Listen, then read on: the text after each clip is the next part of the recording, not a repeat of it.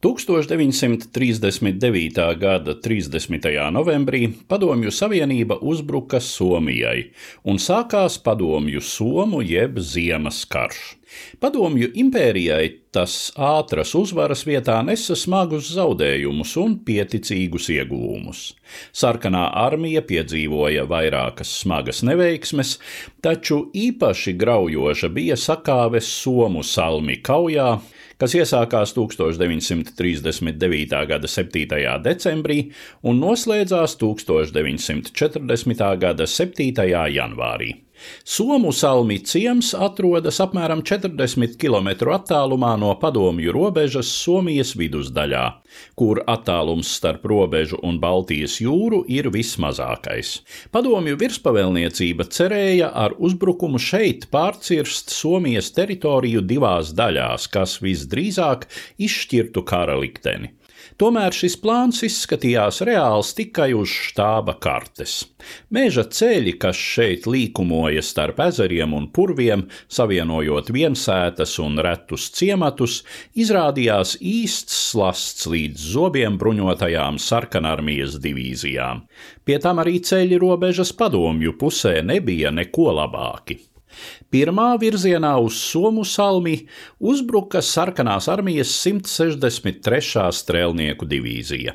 Tā bija tikai dažus mēnešus iepriekš saformēta vienība, un pēc visas spriežot īsti kaujas spējīgs bija tikai viens no tās trīs pulkiem. Tomēr uzbrukuma sākumā padomju pārspēks bija milzīgs, un nedēļu pēc kara sākuma divīzija praktiski bez kaujas ieņēma iedzīvotāju pamesto un nodedzināto Somu salmi ciemu.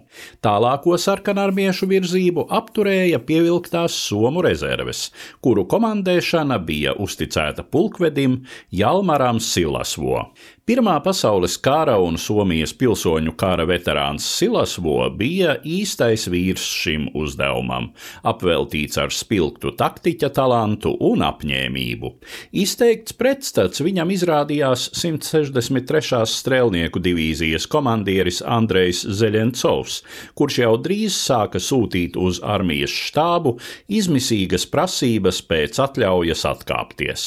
Jāteic gan šis padomju komandieris visdrīzāk drīzāk tikai realistiski novērtēja savu padoto kaujas spējas.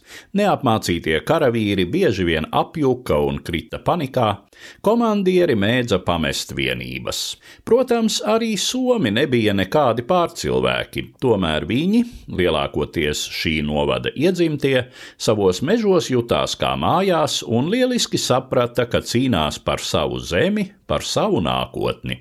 Viņi pārvietojās uz slēpēm, kamēr padomju kainiekiem ziemas salā nebija pat siltu zābaku. Silasvo vīriem, kuri visā kaujas gaitā bija mazākumā, izdevās pārtraukt padomju divīzijas sakarus ar aizmuguri, un 30. decembrī Zeļencovs, saņēmis priekšniecības atvēli, izveda savu pamatīgi paplūnīto divīziju uz aizmuguri pa Kjantes ezera ledu, atstājot lielu lielu daļu kaujas tehnikas. Šim pirmajam cēlienam sekoja padomju pusē vēl daudz graujošākais otrais, tā sauktā rātes ceļa kauja, kad uzbrukumā pāri robežai devās 44. strēlnieku divīzija. Tā bija padomju elites vienība, izveidota Ukrainā vēl 1918. gadā Krievijas pilsoņu kara laikā. Divīzija virzījās uz Somu salmi pa rātes ceļu, izstiepjoties garā kolonā, Ceļš gāja paralēli Voki ezeram, pa kura ledu Somi veikli pārvietoja savus spēkus jau drīz ar straujiem uzbrukumiem un nosprostiem, pārtraucot sakarus starp padomju divīzijas daļām uz rātes ceļa. Kaujas pēdējā fāze bija īsts slaktiņš, Somiem iznīcinot nošķirtās un nosalušās padomju vienības. Tikai apmēram trešdaļai divīzijas sastāva nelielās grupās vai pa vienam pa mežiem izdevās sasniegt robežu. 44. divīzijas komandieris Aleksejs Vinogradovs, kurš kritiskajā brīdī aizbēga uz aizmuguri, jau dažas dienas vēlāk līdz ar vairākiem citiem virsniekiem tika nošauts kareivju ierindas priekšā. Kopējais padomju pusē kritušo un pazudušo skaits Somu salmi kaujā tiek lēsts uz vairāk nekā 6000, kamēr Somiem šis skaitlis ir apmēram 750, stāstīja Eduards Liniņš.